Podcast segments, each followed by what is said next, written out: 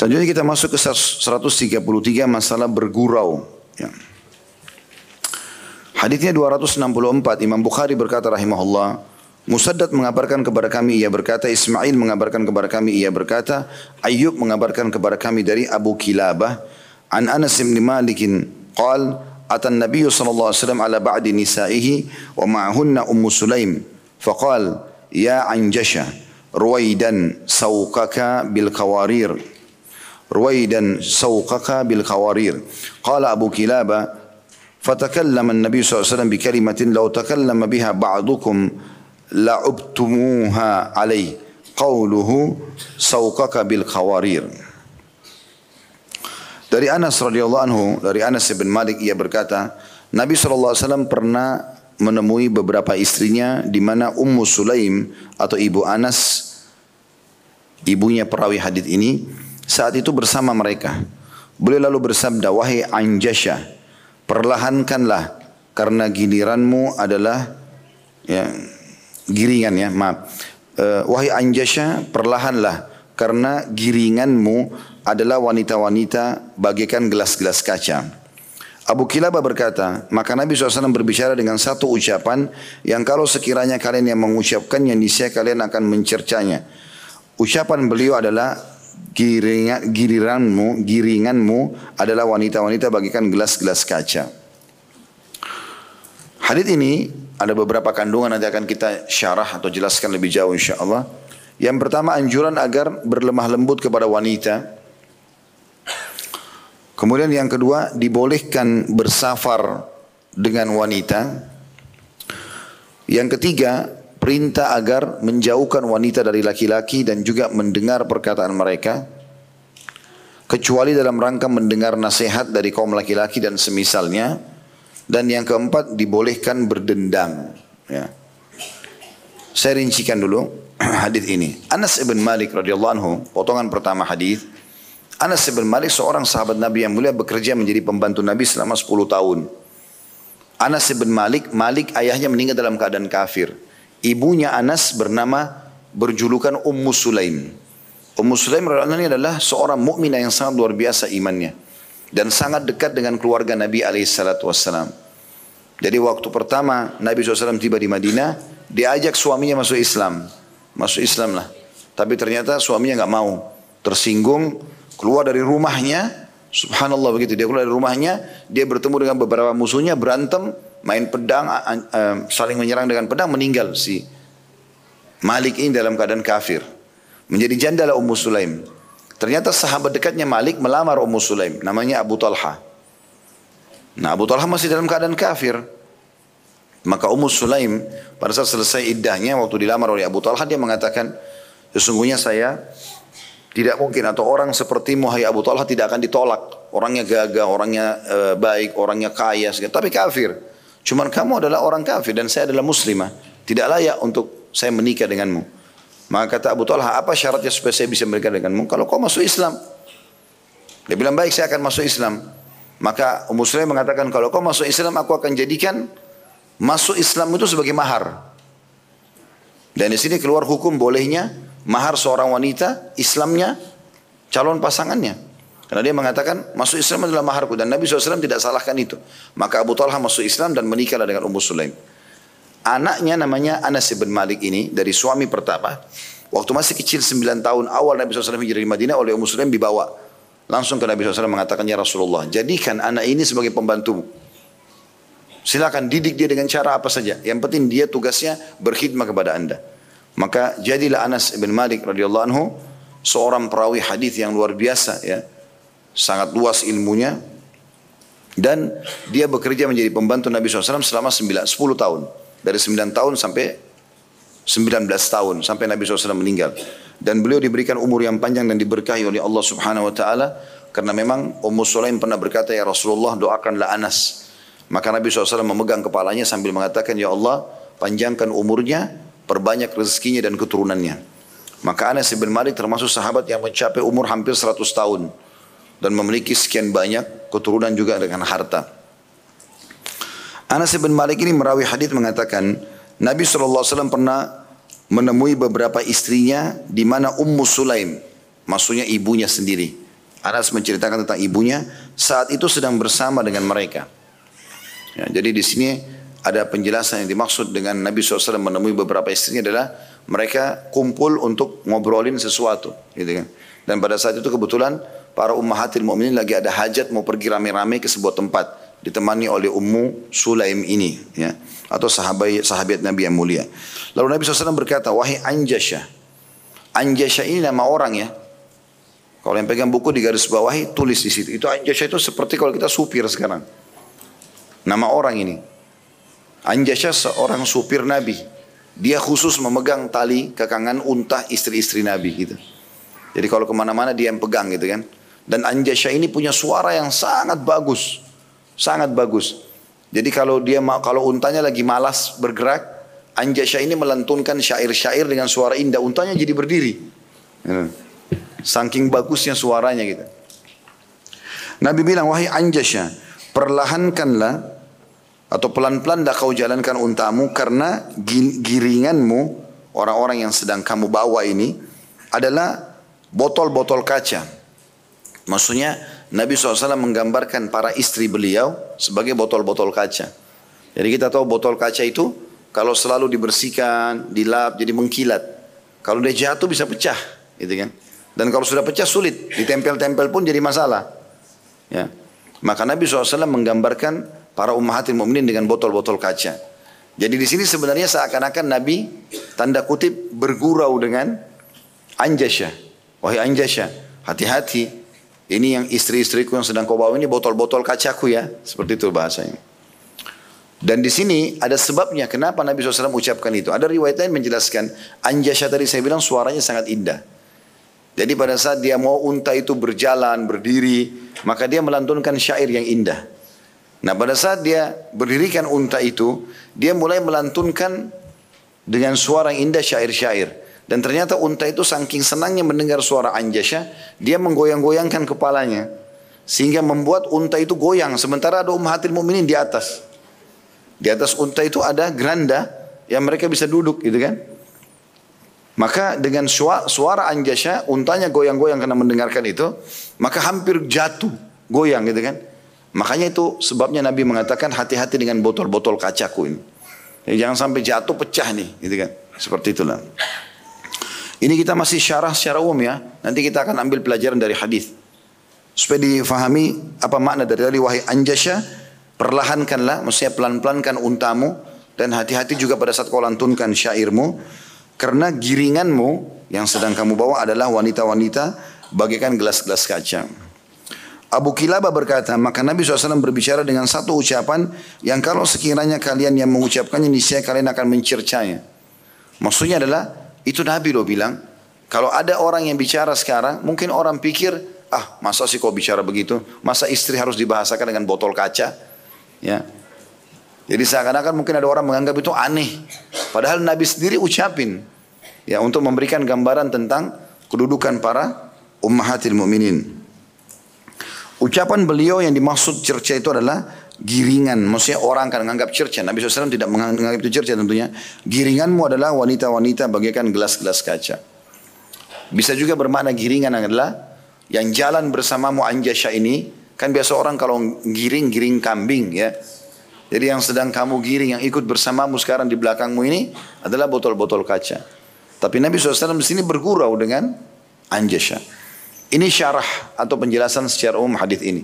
Sekarang kita ambil pelajaran. Pelajaran yang pertama diambil dari hadis ini adalah pertemuan atau Nabi SAW seringnya menemui para humatil mu'minin. Ya. Dan termasuk yang dilakukan oleh Nabi SAW adalah karena beliau berpoligami, maka beliau mengelilingi para ummahatil mu'minin di siang hari tanpa ada biologis dan nanti beliau tinggal di malam hari di malam istri yang punya giliran. Dan ini menandakan Nabi SAW menemui mereka. Ya. Bisa bermakna lain adalah Nabi SAW sedang diminta oleh ummahatil mu'minin untuk melakukan atau mereka mau pergi ke sebuah tempat lalu Nabi SAW siapkan fasilitas yaitu tadi unta dengan ada anjasya. Orang yang akan membawa para umatil mukminin ke tempat tujuan mereka. Ya seperti mungkin sekarang kalau para istri minta tolong untuk diantar ke sebuah tempat misalnya. Itu yang pertama. Jadi Nabi SAW menemui para ummahatil mu'minin termasuk di siang hari dan biasanya di malam hari baru beliau nginap di wanita atau istri yang punya hak mabitnya atau nginapnya. Yang kedua bolehnya orang menggunakan jasa supir. Ya. Anjasya adalah supir. Gitu kan. Dia yang membawa unta itu. Tetapi di sini anjuran para ulama adalah supir itu tidak berduaan saja. Ya. Kalau dia bisa ada sama orang yang ketiga, jauh lebih aman secara fitnah ya. Karena kalau seorang wanita masih muda, berdua saya sama supirnya masih muda, ya dikhawatirkan ada apa-apa, gitu kan. Mungkin awalnya tidak, tapi lama kelamaan bisa saja. Mungkin orang mengatakan, ah nggak mungkin sama supir. Itu bisa saja, syaitan bisa melakukan apa saja. Gitu kan. Orang tiba-tiba pingsan di mobil, tiba-tiba apa kan bisa saja ada interaksi fisik. Maka ulama menganjurkan agar kalaupun menggunakan jasa supir ini, maka seorang muslimah tidak sendirian. Tidak sendirian, dia berusaha ada orang lain ya. Kecuali dalam keadaan darurat. Darurat itu misal, uh, pernah ada sebuah kasus di Waktu itu saya ditanyakan di kota Makassar dan akhirnya saya tanyakan fatwanya kepada beberapa masyaikh dan mereka sudah berikan fatwanya. Bagaimana kalau saya seorang muslimah tinggal di sebuah wilayah, nggak ada transportasi kecuali motor saja, kayak beberapa pedalaman kita. Dan jauh antara pasar sama kampung itu jauh sekali. Harus keluar jauh. Tidak ada transportasi lain. Enggak ada kuda, enggak ada yang lain. Pokoknya hanya ada motor. Dan itu kebanyakan orang punya jasa motor itu. Ya. Dia ojekin orang. Maka e, semuanya laki-laki. Dan itu dulu lalang orang ramai sekali motor. Sekarang saya seorang muslimah sendirian. Janda, suami saya meninggal. Saya punya anak-anak, saya harus pergi. Kalau saya tidak pergi belanja ke pasar, siapa yang mau beliin saya? Saya nggak bisa. Atau kadang-kadang harus mengantar anak sekolah dan segala macam hal. Maka bagaimana keadaannya kalau dibonceng naik motor? Boleh atau tidak gitu? Maka fatwa para ulama kalau seandainya betul-betul mereka harus seperti itu tidak ada lagi jalan lain karena kalau tidak tidak akan berputar luar kehidupan dan umum orang banyak melihatnya bukan berdua-duaan misalnya saja tapi karena banyak motor yang lain transportasi yang lain maka itu masih dibolehkan Ya dalam keadaan darurat ya. Intinya teman-teman sekalian para muslimah harus berusaha menjauhkan diri dari fitnah. Karena wanita lemah bisa saja terpengaruh dan melakukan kemaksiatan tanpa dia sadari nantinya. Maka kasus Anjasya adalah seseorang yang bisa dipakai jasanya untuk mengantar ya. Sama juga dalam keadaan darurat seperti kasusnya Aisyah radhiyallahu anha mukminin pada saat beliau uh, tertinggal dari pasukan perang kan gitu. Kemudian beliau naik di untanya Safwan. Ini tersebarlah fitnah perzinahan yang tidak benar gitu kan. Yang Allah tolong dari langit. Tapi kasus di sini Aisyah ada di padang pasir sendirian. Dan ada seorang muslim melihat itu. Tidak mungkin dia biarkan di situ. Maka dia dengan santun mendekatkan untanya lalu membawa Aisyah ke pasukan gitu kan. Itu dalam keadaan seperti itu. Ada hal-hal darurat gitu kan. Maka ini mungkin hal-hal yang berbeda dengan kasus. Tapi kalau hanya untuk jalan-jalan, apalagi keluar kota, safar, hanya berdua dengan supir ini dilarang tentunya ya. Dan setiap muslimah harus memahami teman-teman sekalian, terutama ibu-ibu dan akhwat kita, setiap ada hukum syar'i yang membatasi gerak-gerik ya ibu, maka ibu harus tahu untuk demi kebaikan. Seperti tidak boleh nikah kecuali adanya wali, ya. Tidak boleh keluar kecuali dengan izin suami kalau tidak ada suami orang tua. Tidak boleh safar kecuali ada mahramnya. Semua ini maslahat. Maslahat, bukan pengekangan, tapi justru kebaikan.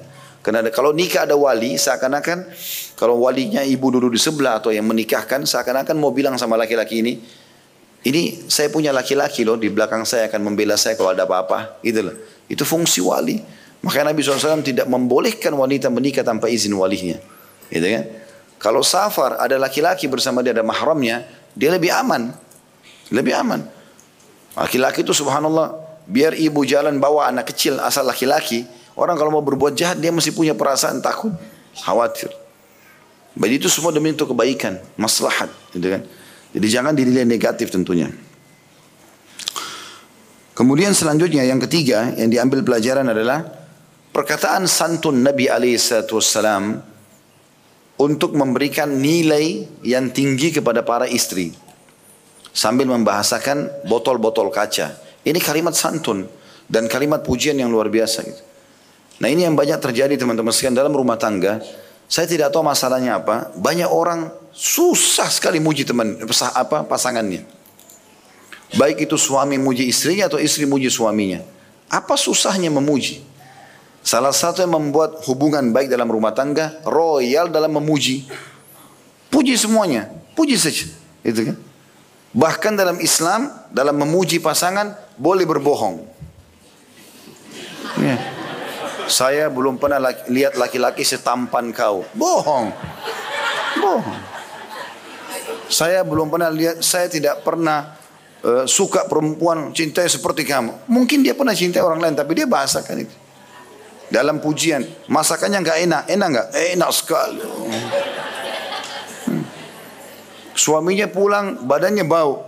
Tapi tiba-tiba mau biologis. Dia mau jaga perasaan suaminya. Masya Allah, belum mandi aja sudah ganteng. Kalau udah mandi pasti lebih ganteng gitu kan. Maka dia pergi kamar mandi sendiri. Tapi sebenarnya tadi waktu belum mandi nggak ganteng. Gitu. Cuma dia puji misalnya. Maka hal seperti itu mungkin ya. Walaupun bangun tidur cantik kelihatan padahal berantakannya luar biasa. Dan seterusnya. Maka memuji ini dalam agama Islam. Kalau yang dibolehkan dalam syariat boleh. Kita nggak boleh puji umum ya. Puji-pujian umum misal terutama dalam ibadah orang lain nggak boleh. Misalnya ada orang sholatnya bagus. Oh kamu tadi sholat itu khusyuk ya. Ini nggak boleh. Nabi SAW bahkan menyuruh meletakkan debu pasir di atas orang yang suka memuji seperti ini. Nggak boleh. Tetapi pujian dalam arti kata interaksi duniawi ya, antara pasangan suami istri, antara uh, orang tua dengan anak, teman sama temannya, tidak ada masalah. Nikmat-nikmat yang Allah berikan gitu kan. Kau baik sekali ya. Saya belum pernah lihat kebaikan seperti ini misalnya. Benar atau tidak, pujian itu adalah hal yang dibolehkan. Maksudnya dalam arti kata, dia bilang sama pasangannya misalnya, karena memang mungkin dia rasa ini, dia berharap pelayanan ini terus akan berjalan dalam hidupnya. Misal contoh. Maka ini hal yang mendasar yang harus difahami. Makanya Nabi SAW memuji. Bahkan Nabi SAW melihat Aisyah radhiyallahu anha dengan pipi yang kemerah-merahan dan kulit putih, boleh panggil dengan Humaira. Artinya wahai wanita yang memiliki pipi yang merah, gitu kan. Memujinya dan mengucapkan kalimat-kalimat yang baik. Jadi memuji ini adalah sesuatu yang boleh dalam Islam bahkan dianjurkan. Gitu kan. Tetapi memuji dalam arti kata tadi sini untuk pasangan suami istri, orang tua pada anak dan sebatas memang bukan urusan ibadah. Nggak boleh kita puji ibadah ya. Jadi nggak boleh misalnya istri atau suami rajin sekali sholat malam. Oh kamu sholat malammu rajin sekali ya gini. Jangan nggak boleh puji begitu. Karena puji dalam ibadah dilarang dalam Islam. Tetapi urusan duniawi, ya interaksi dia, pelayanan dia, penampilan dia, Puji saja. Royal dalam pujian itu dibolehkan. Di dalam syariat Islam. Maka itu akan membuat lebih semangat lagi pasangan kita untuk melayaninya. Itu yang dimaksudkan di sini. Jadi Nabi SAW membahasakan bahkan di depan orang. Gitu kan. Anjasya mendengarkan. Abu Kilaba mendengarkan. Bahkan waktu itu Anjasya akan membawa para ummahatil mu'minin jalan Berarti orang banyak mendengarkan Nabi SAW membahasakan kalau istri-istri adalah botol-botol kaca. Bahkan pada saat itu Ummu Sulaim pun ada bersama dengan mereka. Padahal bukan istri Nabi, ibunya Anas. Cuma bergabung dengan Ummahatil Mu'minin, maka Nabi SAW juga membahasakan dengan botol kaca. Gitu. Jadi royal dalam pujian kepada pasangan boleh. Di dalam Islam ya. Selama itu bukan dalam masalah ibadah. Karena kalau ibadah jangan. Ibadah biarkan saja orang beribadah. Kalau teman-teman melakukan ibadah kemudian tidak ada yang puji, berarti Masya Allah orang sekitar kita itu sangat baik. Mereka faham hukum. Tapi kalau sedikit-sedikit dipuji, kamu suka sekali sedekah ya, kamu selalu puasa ya, kamu begini dan begitu. Ini orang aneh, tanda tanya. Pernah ada sahabat Nabi begitu, dia temukan ada orang lain muji-muji ibadahnya orang.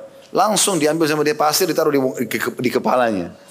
Lalu kata sahabat Nabi yang lain, kenapa kau lakukan? Dia bilang, saya dengarkan Nabi SAW bersabda, kalau kalian mendengarkan seseorang memuji orang lain dalam arti kata sini masalah ibadahnya, maka taburilah pasir di atas kepalanya. Supaya dia berhenti dalam masalah itu, gitu kan? Juga pernah ada sahabat Nabi yang sholatnya sangat khusyuk, sangat khusyuk dalam sholat, maka pada saat dia sementara sholat ada satu orang yang bilang di depan Nabi SAW, Ya Rasulullah, saya suka sekali ibadahnya orang ini. Maka Nabi SAW mengatakan, jangan kau perdengarkan pada dia. Karena kalau kau perdengarkan maka kau telah membinasakannya. Nanti jadi riak dia. Tadinya ikhlas jadi riak gara-gara dipuji. Gitu kan? Maka jangan puji kalau ibadah. Biarkan aja orang berjalan. Kita pun kalau bergejolak dalam diri kita, syaitan mengingatkan atau membisikkan supaya kita mau dipuji, maka baca auzubillahi minasyaitonirrajim. Ya. Kemudian pelajaran yang terakhir adalah bagaimana Abu Kilabah menggambarkan tentang hikmah daripada hadis ini. Perkataan Nabi SAW, hati-hatilah wahai Anjasya dengan botol-botol kacak. Uh, adalah bagaimana Nabi SAW bersenda gurau. Dan selama itu hal yang mubah dibolehkan. Islam bukan agama yang kaku. Gitu kan? Islam adalah agama yang membolehkan kita bersenda gurau. Bahkan Nabi SAW ya e, mengatakan kepada penduduk Madinah tentang Idul Adha dan Idul Fitri, beliau mengatakan sallallahu alaihi wasallam Allah telah menggantikan hari-hari bersenang kalian, hari raya kalian dengan kedua hari raya ini. Dan pernah ada dua orang budak wanita sedang e, melantunkan apa namanya? E, syair di hadapan Aisyah radhiyallahu anha ya seperti yang dikatakan ya Kemudian masuklah Abu Bakar lalu marah sambil mengatakan apakah ada anak-anak panas syaitan di rumah Rasulullah SAW.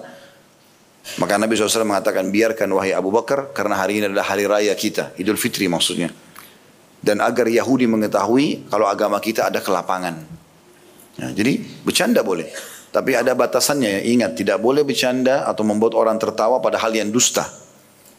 Tidak boleh sama sekali. Ini ada ancaman sendiri. Masuk dalam kategori dosa besar. Kalau orang sengaja membuat orang tertawa tapi dusta, bohong. Tidak boleh. Tapi kalau secara alami memang sesuatu yang biasa dan memang benar terjadi, maka itu tidak ada masalah. Maka ada batasan-batasan syari yang harus kita ketahui tentunya.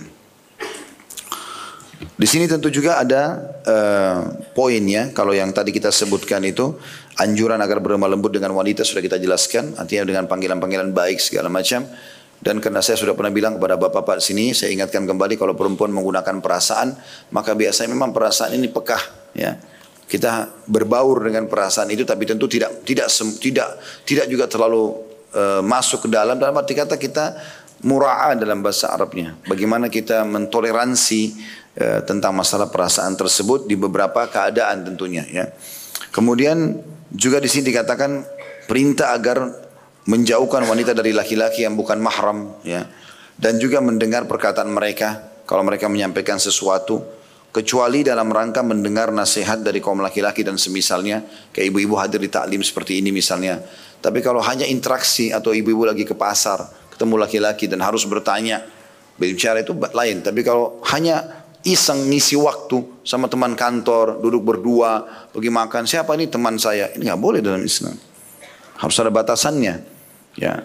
Dan kalau orang pun mau keluar, maka lebih aman perempuan itu berame-rame, ya. Sehingga dia jauh lebih aman. Begitu yang dilakukan oleh para ummahatil mu'minin dan ummu sulaim, mereka berame-rame dalam masalah ini. Hadis selanjutnya masih bab yang sama tentunya 265 Imam Bukhari berkata rahimahullah Abdullah bin Saleh mengabarkan kepada kami ia berkata Al-Laith mengabarkan kepadaku ia berkata Ibnu Ajlan mengabar, uh, mengabarkan kepadaku dari ayahnya atau dari Sa'id. An Abu Hurairah radhiyallahu anhu qalu ya Rasulullah innaka tudaibuna. Qala inni la aqulu illa haqqa. Abu Hurairah berkata radhiyallahu anhu para sahabat berkata wahai Rasulullah engkau atau anda mengajak kami bergurau. Beliau sallallahu alaihi wasallam menjawab, aku tidak mengucapkan melainkan kebenaran. Kandungan hadis ini yang pertama, Nabi SAW bercanda dengan para sahabatnya. Ya, dan ini benar. Nabi SAW bercanda di beberapa keadaan. Ya. Kemudian yang kedua, penjagaan terhadap Nabi SAW dari ketergelinciran dalam perkataan dan perbuatan. Dalam arti kata boleh bercanda tapi pada batas-batas yang boleh yang dibolehkan. Bercandanya dalam pujian tadi ya, bercanda uh, dalam bermain ya, hal-hal yang mubah, maka itu dibolehkan dalam agama Islam. Hadis ini memberikan pelajaran kepada kita yang pertama adalah bagaimana ada statement dari para sahabat kalau Nabi alaihi bercanda dengan mereka, ya, bercanda dengan mereka, ya. Dan Nabi SAW memiliki banyak contoh-contoh dalam masalah ini. Beliau pernah menemukan ada satu anak kecil suka bermain dengan burung kalau tidak salah ya. Kemudian matilah burungnya anak itu. Ini anaknya sahabat. Maka Nabi SAW ingin menghiburnya sambil mengatakan, Wahai anak kecil, mana burungmu yang bernama ini gitu. Jadi Nabi SAW sambil tersenyum gitu kan. Kemudian Nabi SAW juga pernah berkata kepada para sahabat, ada pohon yang diibaratkan seperti orang beriman. Dan dia kalau dikena angin, daun-daunnya atau pelapanya uh, tidak akan tergoyang ya, atau sedikit sekali tergoyangnya. Maka Abdullah bin Umar berkata, Anu saya sangat tahu jawabannya, yaitu pohon kurma. Tapi karena menghormati orang-orang yang lebih tua, maka saya membiarkan mereka untuk menjawabnya. Jadi Nabi SAW masuk dengan mereka, tetapi hal-hal yang benar saja. Tidak pernah bercanda pada hal-hal yang dikarang-karang yang membuat akhirnya terjadi kemaksiatan kepada Allah Subhanahu wa taala. Begitu juga dengan hadis setelahnya 266. Imam Bukhari berkata, Sadaqa mengabarkan kepada kami ia berkata, Mu'tamir mengabarkan kepada kami dari Habib bin Muhammad an Bakr bin Abdullah qal kana ashabun Nabi sallallahu alaihi wasallam kana ashabun Nabi sallallahu alaihi wasallam yatabadahun bitikhi atau ma ya saya ulangi kana ashabun nabi sallallahu alaihi wasallam yatabadahuna bil bitikh fa idza kanatil haqa'iqu kanu humur rijal. Dari Bakar bin Abdullah ia berkata para sahabat Nabi SAW saling melempar semangka. Namun apabila masalah yang dihadapi adalah perkara penting maka mereka para lelaki yang sejati. Kandungan hadis para sahabat Nabi alaihissalam ya, para sahabat Nabi ridwanullah alaihim saling bersenda gurau hingga mereka saling melempar dengan benda yang lunak. Namun apabila mereka dihadapkan pada masalah penting maka mereka adalah lelaki sejati atau pemegang utusan atau pemegang urusan ya. Yang dimaksud di sini dari hadis saling melempar semangka bisa bermakna mereka kalau mau memberi semangka sambil bercanda sama temannya dilemparkan semangka itu yang utuh. Tapi jaraknya dekat sehingga temannya bisa menangkapnya. Ya untuk menunjukkan bentuk kasih sayang kepada temannya, bukan untuk menghinanya gitu kan. Dan bukan berarti semangkanya yang sudah cair lalu dilempar ke wajah atau apa, bukan itu yang dimaksud. Tapi tentu yang masih bisa bermanfaat dalam arti kata mungkin semangka itu masih utuh lalu dilemparkanlah kepada temannya untuk temannya pegang gitu.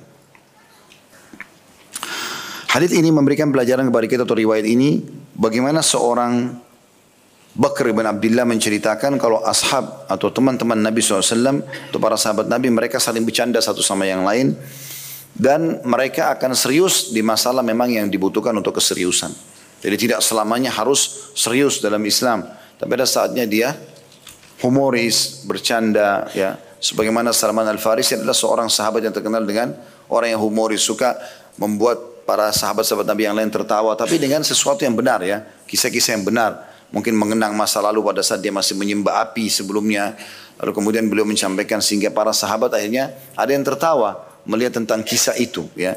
Oh ternyata mereka dulu sangat bodoh tidak faham. Minta-minta pada api padahal api itu mereka sendiri yang nyalakan dan bisa dipadamkan setiap saat juga oleh mereka gitu. Hadis selanjutnya 267 masih bahasan yang sama Imam Bukhari berkata rahimahullah Bishr bin Muhammad mengabarkan kepada kami ia berkata Abdullah mengabarkan kepada kami ia berkata Umar bin Sa'id bin Abi Husain mengabarkan kepada kami Ani bin Abi Mulaikah qal mazahat Aisyah inda Rasulullah sallallahu alaihi wasallam faqalat ummahu atau qalat ummaha ya Rasulullah ba'du du'abati hadzal hayy min kinana Qala Nabi SAW bal ba'du mazhina hadal hayy. Dari Ibnu Abi Mulaika ia berkata Aisyah radhiyallahu anha bergulau bergurau di dekat Rasulullah SAW maka ibunya berkata wahai Rasulullah sebagian guruan di perkampungan ini dari Kinana. Maka Nabi SAW bersabda bahkan ini termasuk sebagian guruan kami adalah perkampungan ini. Hadis ini mirip dengan tadi sebelumnya kalau ibunya Aisyah radhiyallahu anhunna ajma'in pernah main ke rumah Aisyah kemudian melihat Aisyah sedang bercanda dengan Nabi alaihissalam maka agar menjaga perasaan anak mantunya dia pun menyampaikan kepada Nabi SAW ya Rasulullah ini yang Aisyah ucapkan senda gurau biasa memang dinukil dari suku Kinana artinya memang kebiasaan suku kami dulu pernah begitu supaya Nabi SAW tidak tersinggung. Nabi SAW malah tersenyum dan mengatakan, tapi ini bercandaan kami malah. Dan ini bagian daripada perkampungan kami umat Islam. Jadi tidak ada masalah. Selama itu bukan bohong, bukan menyakiti orang lain, selama itu mubah maka dibolehkan untuk bercanda. Hadis yang selanjutnya juga mirip dengan itu 268 Imam Bukhari berkata Muhammad bin As-Sabbah As-Sabbah ya, mengabarkan kepada kami Khalid yakni Ibnu Abdullah mengabarkan kepada kami dari Humaid At-Tawil ya At-Tawil ya. An Anas bin Malik qal ja'a rajulun ila Nabi SAW yastahmi yastahmiluhu. Faqala ana hamiluka ala waladi naqah qala ya Rasulullah wa ma asna'u bi waladi naqah faqala Rasulullah SAW wa hal talidul ibilu illa an-nuq? Dari Anas bin Malik radhiyallahu ini contoh salah satu bercandanya Nabi ya kepada para sahabat atau sendaguro yang mubah. Dari Anas bin Malik ia berkata, seseorang mendatangi Nabi SAW meminta agar beliau membawanya. Maksudnya mengikutkan dia ke tunggangan karena dia tidak punya transportasi orang ini. Lalu beliau SAW bersabda, aku membawamu di atas anak unta. Anak unta yang difahami oleh orang ini adalah kecil, gitu kan? Maka ia berkata, wahai Rasulullah, apa yang aku perbuat terhadap anak unta? Maksudnya aku tubuhku besar, anak unta kecil, bagaimana dia bisa memikulku? Maka Rasulullah SAW bersabda, tidakkah unta hanya melahirkan anak unta? Ya. Kandungan hadisnya boleh bergurau dan bercanda. Dan Nabi SAW ada kalanya bercanda sesuai dengan keadaan orang yang beliau ajak bicara. Sebagaimana ditunjukkan dalam hadis di atas. Jadi hadis ini maksudnya contoh sendaguronya Nabi. Waktu sahabat ini datang kelihatannya dia serius. Maka dia mengatakan, ya Rasulullah tolong bantu saya, saya butuh tunggangan gini. Nabi SAW sambil senyum mengatakan kepada dia, saya akan berikan kau tunggangan tapi anak unta. Bagi dia anak unta nggak mungkin dia naikin gitu kan. Maka dia bilang, apa yang saya bisa buat dengan anak unta ya Rasulullah? Kata Nabi SAW, bukankah unta-unta yang besar tadinya anak unta juga? Gitu. Artinya sambil bercanda saja. Seakan-akan Nabi mau bilang, ya sekarang saya akan kasih kau unta besar, tapi tadinya dia juga anak unta kan dulunya. Gitu. Gak mungkin dia tidak melalui anak unta baru tiba-tiba besar gitu. Tapi Nabi SAW sini ingin menghibur sahabat ini, gitu kan? Ingin menunjukkan bahwasanya tidak ada keseriusan dalam agama Islam. Tidak setiap saat itu selalu bicara masalah neraka. Tapi ada saatnya bicara surga, ada saatnya bicara masalah hal yang mubah, makanan, minuman. Selama tidak berlebihan insya Allah maka itu dibolehkan. Termasuk yang setelah ini adalah ada bab khusus 134. Ini bicara masalah sendaguro dengan anak ya. Karena ada orang yang sangat kaku dengan anak-anaknya. Sama sekali nggak pernah bercanda. Ya, bahkan ada sahabat Nabi itu punya anak sepuluh orang Badui. Waktu Nabi SAW lagi di masjid dia datang lewat Hasan dan Husain Nabi peluk, Nabi ciumin, Nabi ajak bercanda. Bahkan Nabi SAW kadang-kadang kalau bercanda dengan Hasan radhiyallahu anhu itu pernah datang lalu dia datang ke Nabi SAW lalu Nabi kasih pegang kedua tangannya lalu dibiarkan Hasan itu menginjak dari telapak kaki Nabi ke tulang kering Nabi, ke lutut Nabi, ke paha Nabi sampai Nabi tidur dan dia ada di atas dada Nabi. Di depan sahabat semuanya. Ya, menunjukkan kepada mereka bagaimana kasih sayang dengan anak-anak. Maka pernah satu kali lagi jalan Hasan dan Husain lalu dipeluk oleh Nabi SAW dan diciumi. Diajak bercanda gitu. Ada orang ini datang, orang Badui datang. Dia mengatakan, apakah kalian cium anak-anak kalian? Saya punya 10 anak, belum pernah saya cium sama sekali. Gitu. Maka kata Nabi SAW, saya tidak, saya harus buat apa lagi kalau Allah sudah mengangkat kasih sayang dari hatimu. Ya. Jadi tidak mungkin terjadi. Anak-anak itu memang ada saatnya fase mereka bercanda. Memang anak-anak di bawah tujuh tahun itu selalu mau main. Jadi ibu-ibu terutama karena banyak jaga anak-anak supaya keningnya tidak berkerut, jangan stres tujuh tahun. Ikut bermain sama mereka. Ya, ada beberapa kerabat kami saya lihat dan saya lihat istri saya juga masya Allah sudah coba melakukan itu. Jadi kalau anak-anak itu memang lagi main ya sudah kita memang harus main sama dia. Gak bisa kita paksa dia ke alam kita. Ya. Pernah istri saya mengatakan kepada anak-anak gitu kan karena masih kecil-kecil. Masa bisa nggak diam satu menit saja? Terus saya sambil bercanda sampai saya mengatakan tidak mungkin dia diam. Mana bisa disuruh dia pada kecil begini? Nggak mungkin pasti dia akan main. Kita tahan tangannya, tangan, tangan kanan, tangan kirinya bergerak. Ya. Ada saja, memang saatnya dia bermain. Tapi nanti ada fase di mana dia kalau sudah mulai pindah, tinggalkan umur tujuh tahun, muncul perasaan-perasaan yang berbeda. Itu kan tahap pelajarannya. Mulai ada rasa malu, mulai rasa tidak mau lagi. Kalau pindah ke fase yang ketiga, sudah dari 14 tahun sampai lebih daripada itu, dia sudah nggak mau lagi main-main seperti permainan waktu dia masih kecil. Saya bercanda sama anak saya yang sudah besar. Ingat nak, pernah waktu kecil minta main di sini. Mau main lagi nggak? Enggak, nggak mau. sudah nggak mau dia. Karena bagi dia itu sudah lewat fasenya. Sekarang sudah berbeda. Ya, sudah pindah kepada tahap mungkin dia merasa sudah sesuai dengan umurnya. Jadi bergurau dengan anak-anak ini, ya, bahkan sampai mereka sudah dewasa pun adalah bagian daripada syariat. Hadis yang menjelaskan masalah itu adalah di bab 134 bergurau dengan anak kecil. Dan insya Allah kita tutup dengan dua buah hadis ini, baru kita buka pertanyaan. Imam Bukhari berkata di hadis nomor 269, Adam mengabarkan kepada kami, ia berkata, Syu'bah mengabarkan kepada kami, ia berkata, Abu Tiyah mengabarkan kepada kami ia berkata Sami itu Anas bin Malik yakul karena Nabi SAW la yukhalituna hatta yakula li akhin li saghir ya Aba Umair ma fa'alan nughair ya, ma fa'alan nughair ya. Aku mendengar Anas bin Malik mengatakan sungguh Nabi SAW berbaur dengan kami. Hingga beliau berkata kepada saudaraku yang masih kecil wahai Abu Umair apa yang dilakukan oleh burung pipitmu Kandungan hadis yang pertama dibolehkan memanggil seseorang yang belum memiliki anak dengan kunyah atau nama panggilan. Ya. Dari kunyah ini termasuk bagian yang dibolehkan ya. Seperti kunyah itu seperti menisbatkan diri pada nama anak kelak. Ya. Seperti misalnya kalau seseorang di sini bapak ibu punya anak laki-laki, maka kita dipanggil dengan penisbatan nama kepada anak itu. Kayak saya, saya misalnya punya anak namanya Uwais laki-laki anak laki-laki yang pertama maka saya dipanggil Abu Uwais gitu kan. Bisa dipanggil seperti itu. Makanya disunnahkan karena Nabi SAW dipanggil Abu Qasim.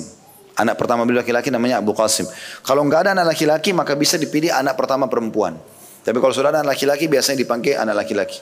Pernah saya jelaskan juga bahkan Aisyah radhiyallahu anha tidak punya anak ya dari Nabi SAW.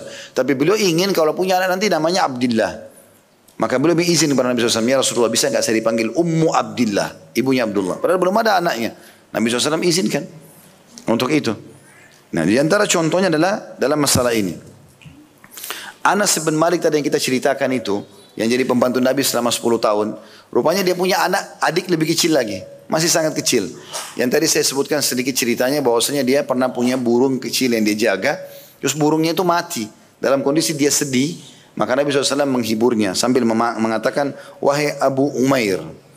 Anak kecil ini bukan namanya Abu Umair, masih anak-anak, gitu kan? Bahkan dia masih kecil, belum kita bicara jauh kalau sudah menikah dan punya anak ini masih anak-anak sekali tapi Nabi sudah panggil dengan kunya julukan Abu Umair. Lalu untuk menghiburnya dikatakan ma fa'alan nughair apa yang dilakukan oleh burung pipitmu. Ya seakan-akan Nabi mau dengar penjelasan dia nanti baru Nabi SAW hibur. Yang kedua dibolehkan memanggil anak kecil dengan kunyah atau nama panggilan. Yang ketiga dibolehkan bercanda dalam hal yang tidak membawa dosa. Ini semua sudah kita jelaskan. Yang keempat dibolehkan anak kecil bermain dengan burung dan wali boleh memberinya peluang melakukan itu. Tapi di sini ada bahas batasan ulama ya. Artinya lebih baik kalau burung itu pun misalnya burung itu lagi uh, apa namanya ada di sekitar rumah Misal kayak orang banyak pelihara merpati ya, dia bukan diikat, bukan dikekang burung itu. Dibuatin kandang misalnya di belakang rumah atau apa dan burung itu sering bolak-balik. Dia kalau mau berikan makan dia tinggal taruh di tanah burung itu datang. Jadi dia tetap bebas mau terbang ke mana. Ini dibolehkan. Tetapi kalau dikekang dia, ya, apalagi kalau sampai dibebankan pada hal-hal yang tidak bisa di, tidak bisa dia lakukan gitu kan. Ada yang selalu dikurung aja terus. Maka ini ada larangan berhubungan dengan masalah itu. Yang kelima dibolehkan mendengarkan atau mendengar perkataan yang baik tanpa basa-basi. Ya, ini sebagaimana tadi dijelaskan dalam hadis itu ya. Maksudnya Nabi SAW menghibur si anak kecil tadi. Yang keenam isyarat untuk berlemah lembut kepada anak kecil dan penjelasan akan keluhuran keluhuran akhlak dan kerendahan hati Nabi sallallahu alaihi wasallam. Pelajaran dari hadis ini adalah perkataan pertama atau pelajaran pertama adalah berbaurnya Nabi SAW dengan para sahabat termasuk anak kecil. Ini pelajaran pertama dari hadis yang kita tambahkan tentunya. Diambil daripada statement Anas bin Malik, sesungguhnya Nabi SAW berbaur pada dengan kami. Bisa makna berbaur ini adalah berbaur dengan kami masyarakat biasa atau maknanya berbaur dengan kami adalah berbaur dengan anak-anak kecil.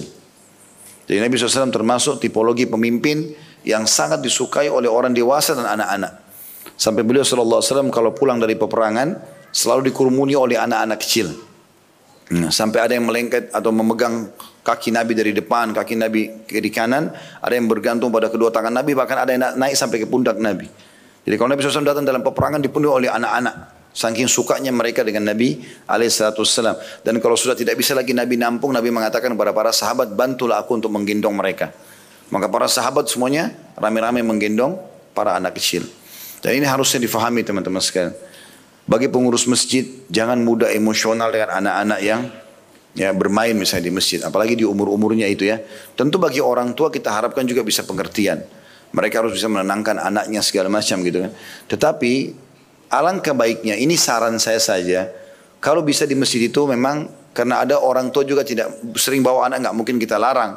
Mungkin mereka masih belum saatnya untuk sholat misalnya ya. Kalau saran saya sih memang di bawah tiga tahun jangan dibawa ke sholat biasanya. Karena kalau tiga tahun ke bawah ini biasanya memang masih sangat polos sekali ya. Masih belum bisa dikasih instruksi apa-apa gitu. Kalau tiga tahun ke atas mungkin.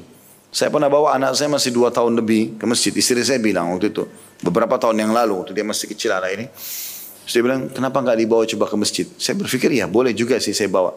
Sementara sholat dia jalan di saf. Kacamata orang diambil ini segala macam. Naik di atas mimbar. Hampir jatuh. Kan. Tadinya mau dibiarkan di depan. Tapi ternyata lagi sementara Pas bangun dari sujud, berdiri dia jalan. Kita nggak mungkin kejar dia gitu kan. Jadi terjadi hal seperti itu. Tapi setelah tiga tahun ke atas mungkin masih sudah bisa kita bantu ya. Bisa dinasehati. Itu pun kadang-kadang masih bercanda kalau ada teman-teman yang sebaya mengajak itu. Tapi jelas teman-teman sekalian di masjid itu kalau saran saya kalau ada uh, sudut sendiri yang dikhususkan buat saf anak-anak di belakang. Tapi mungkin agak berbeda sedikit. Nuansanya sama nuansa orang dewasa. Mirip dengan tempat main sebenarnya tapi tempat sholat ya. Mungkin ada mukennah anak kecil ada sejadah anak kecil. Jadi mereka tuh kalau dibawa sama orang tua disuruh ke situ. Dan ada pengurus masjid yang menemani mereka sholat bersama mereka di situ. Itu mungkin jauh lebih menghidupkan suasana daripada dibiarkan sholat sebelah orang tuanya lalu nanti mengganggu soft kapan dia pergi bermain-main segala macam gitu kan atau mungkin dibiarkan dia di ruangan masjid seperti ini tapi dia agak di luar di bagian teras dibuatin seperti kotak sendiri. Mereka dikumpulkan dan disolat solat di situ. Dan yang menjaganya ikut sholat berjamaah nggak ada masalah, gitu kan? Ikut sama imam, mungkin ada mikrofon yang terdengar. Ini contoh saja. Sehingga masjid itu bukan menjadi tempat momok tanda kutip yang menakutkan bagi anak-anak. Ya, kita sayangkan gereja kadang-kadang bahkan diberikan permen-permen, bahkan diajak menyanyi-menyanyi gitu kan. Kalau di masjid malah dimarahin. Ya. Jadi kesannya kalau di masjid itu tempat yang tidak enak. Gitu. Padahal sebenarnya masjid itu tempat yang nyaman bagi mereka. Tinggal bagaimana kita mengemasnya saja. Supaya menjadi tempat yang baik buat anak-anak. Uh, kemudian pelajaran itu pelajaran yang pertama. Artinya Nabi SAW berbaur dengan anak-anak itu.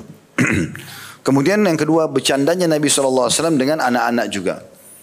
Ya, jadi di sini bab senda gurau artinya bercanda Nabi SAW dengan anak kecil. Selain sahabat dewasa pun tadi, seperti sahabat dewasa tadi yang dikatakan saya akan pikul kamu di atas anak unta gitu kan.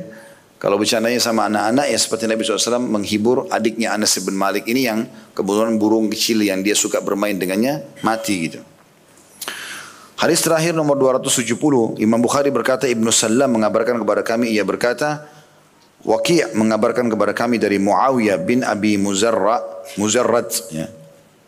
Dari ayahnya an Abi Hurairah radhiyallahu anhu akhadha an-nabiy sallallahu alaihi wasallam bi yadil Hasan aw al-Husain radhiyallahu anhuma thumma wada'a qadamayhi ala qadamayhi thumma qala taraqqa dari Abu Hurairah radhiyallahu bahwasanya Nabi SAW meraih tangan Al Hasan atau Al Husain radhiyallahu anhuma kemudian meletakkan kedua kakinya di atas kedua telapak kaki beliau dan beliau bersabda naiklah ya.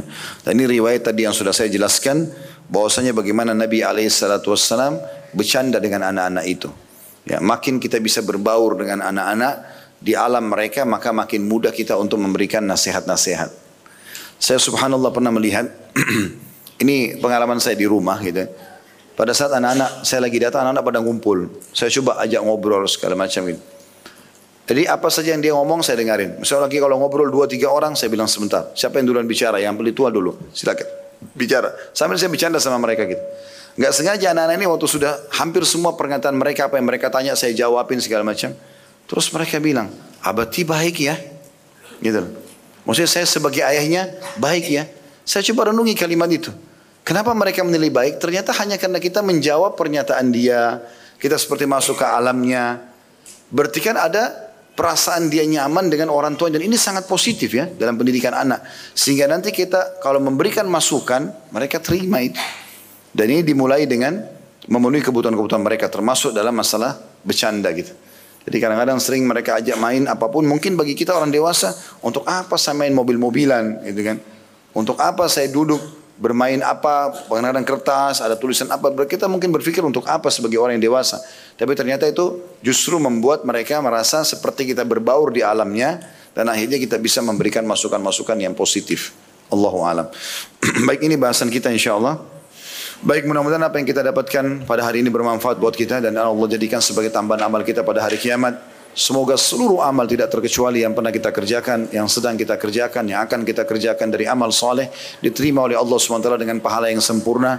Semoga seluruh dosa tidak terkecuali yang pernah kita kerjakan, terutama yang hadir dalam majlis ini, yang mendengarkan dan mengulang-ulanginya, akan diganti oleh Allah Subhanahu Wa Taala menjadi pahala dengan seizinnya dan semoga negara Indonesia menjadi negara yang aman, tentram, damai, seluruh umat Islam di bawah naungan ukhuwah Islamiyah. Dan dalam ibadah mereka kembali kepada Al-Quran dan Sunnah.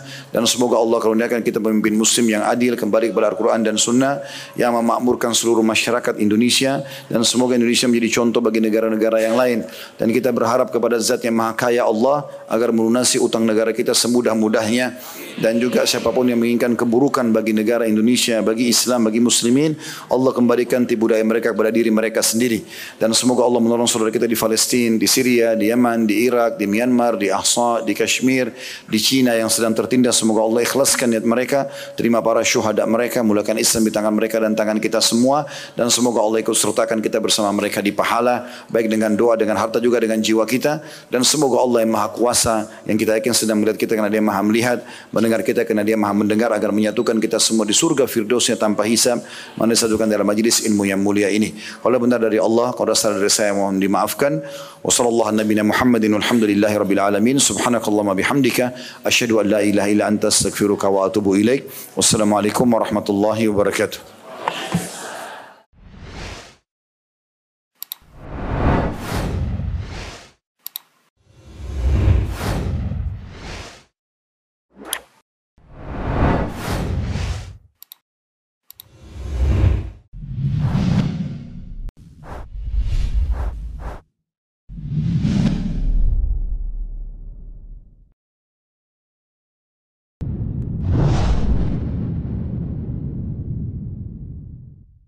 Assalamualaikum Untuk pemesanan paket umroh murah Bisa menghubungi 0821 4196 0857 Kami ulangi sekali lagi Untuk pemesanan paket umroh murah Bisa menghubungi 0821 4196 0857 Sekali lagi 0821 4196 0857 Terima kasih